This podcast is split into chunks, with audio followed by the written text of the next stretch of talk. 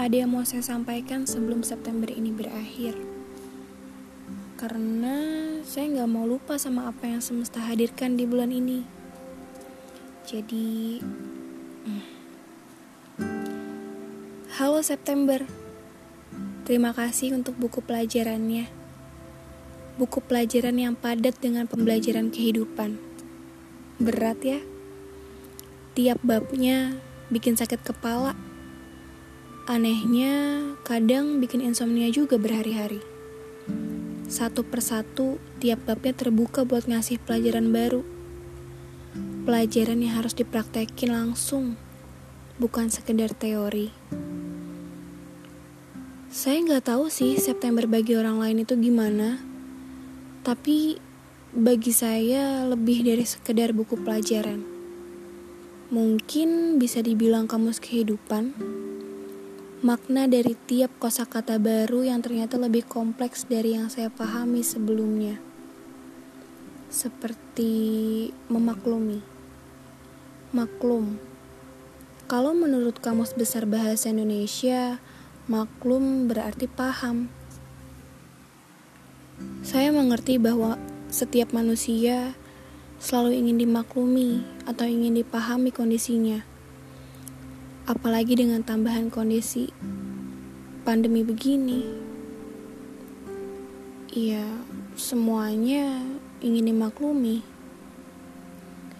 Mungkin memang ruang pemaklumannya harus diperluas kali ya. Cuma kayaknya kalau terus-terusan ngasih pemakluman, justru kita akan biarin orang itu nggak belajar kan? Iya nggak sih? Karena siapa juga yang mau kondisinya kayak gini? Gak ada. Dan pemakluman bukan jadi satu-satunya jalan keluar. Tapi adaptasi. Iya kan? Karena lagi-lagi gak ada manusia yang benar-benar siap menghadapi fenomena yang terjadi di hampir satu dunia. Saling memaklumi dan saling cari solusi kayaknya bisa lebih ngebantu ya daripada saling melempar pengertian.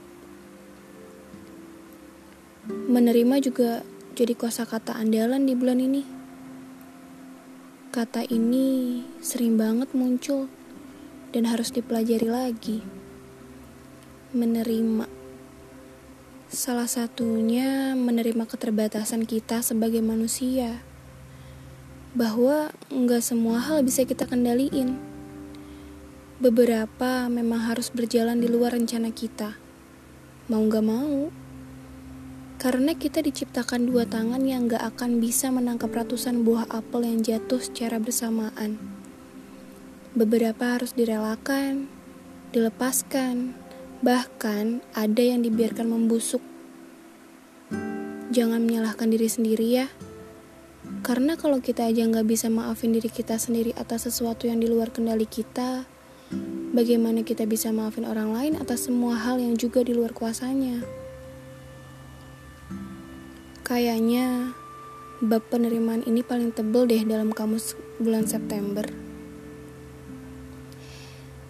Kita emang gak akan pernah tahu sama cara kerja semesta. Tapi saya tahu bahwa ada hal baik yang ia titipkan buat saya. Jadi, semua biar berjalan sebagaimana mestinya. Dan seiring waktu berjalan, kita akan sama-sama menemukan hal-hal baru yang mengagetkan. Ya, hidup memang gitu kan? Cuma tentang ngagetin dan dikagetin. Terus, apalagi ya? Oh iya, tentang mengenal diri sendiri. Ternyata setelah cerita di bulan September ini hadir tanpa aba-aba, saya jadi lebih mengenal diri sendiri. Saya jadi lebih tahu bagaimana seharusnya menghadapi masalah versi saya. Saya jadi tahu bagaimana errornya saya kalau semuanya dirasa udah cukup numpuk.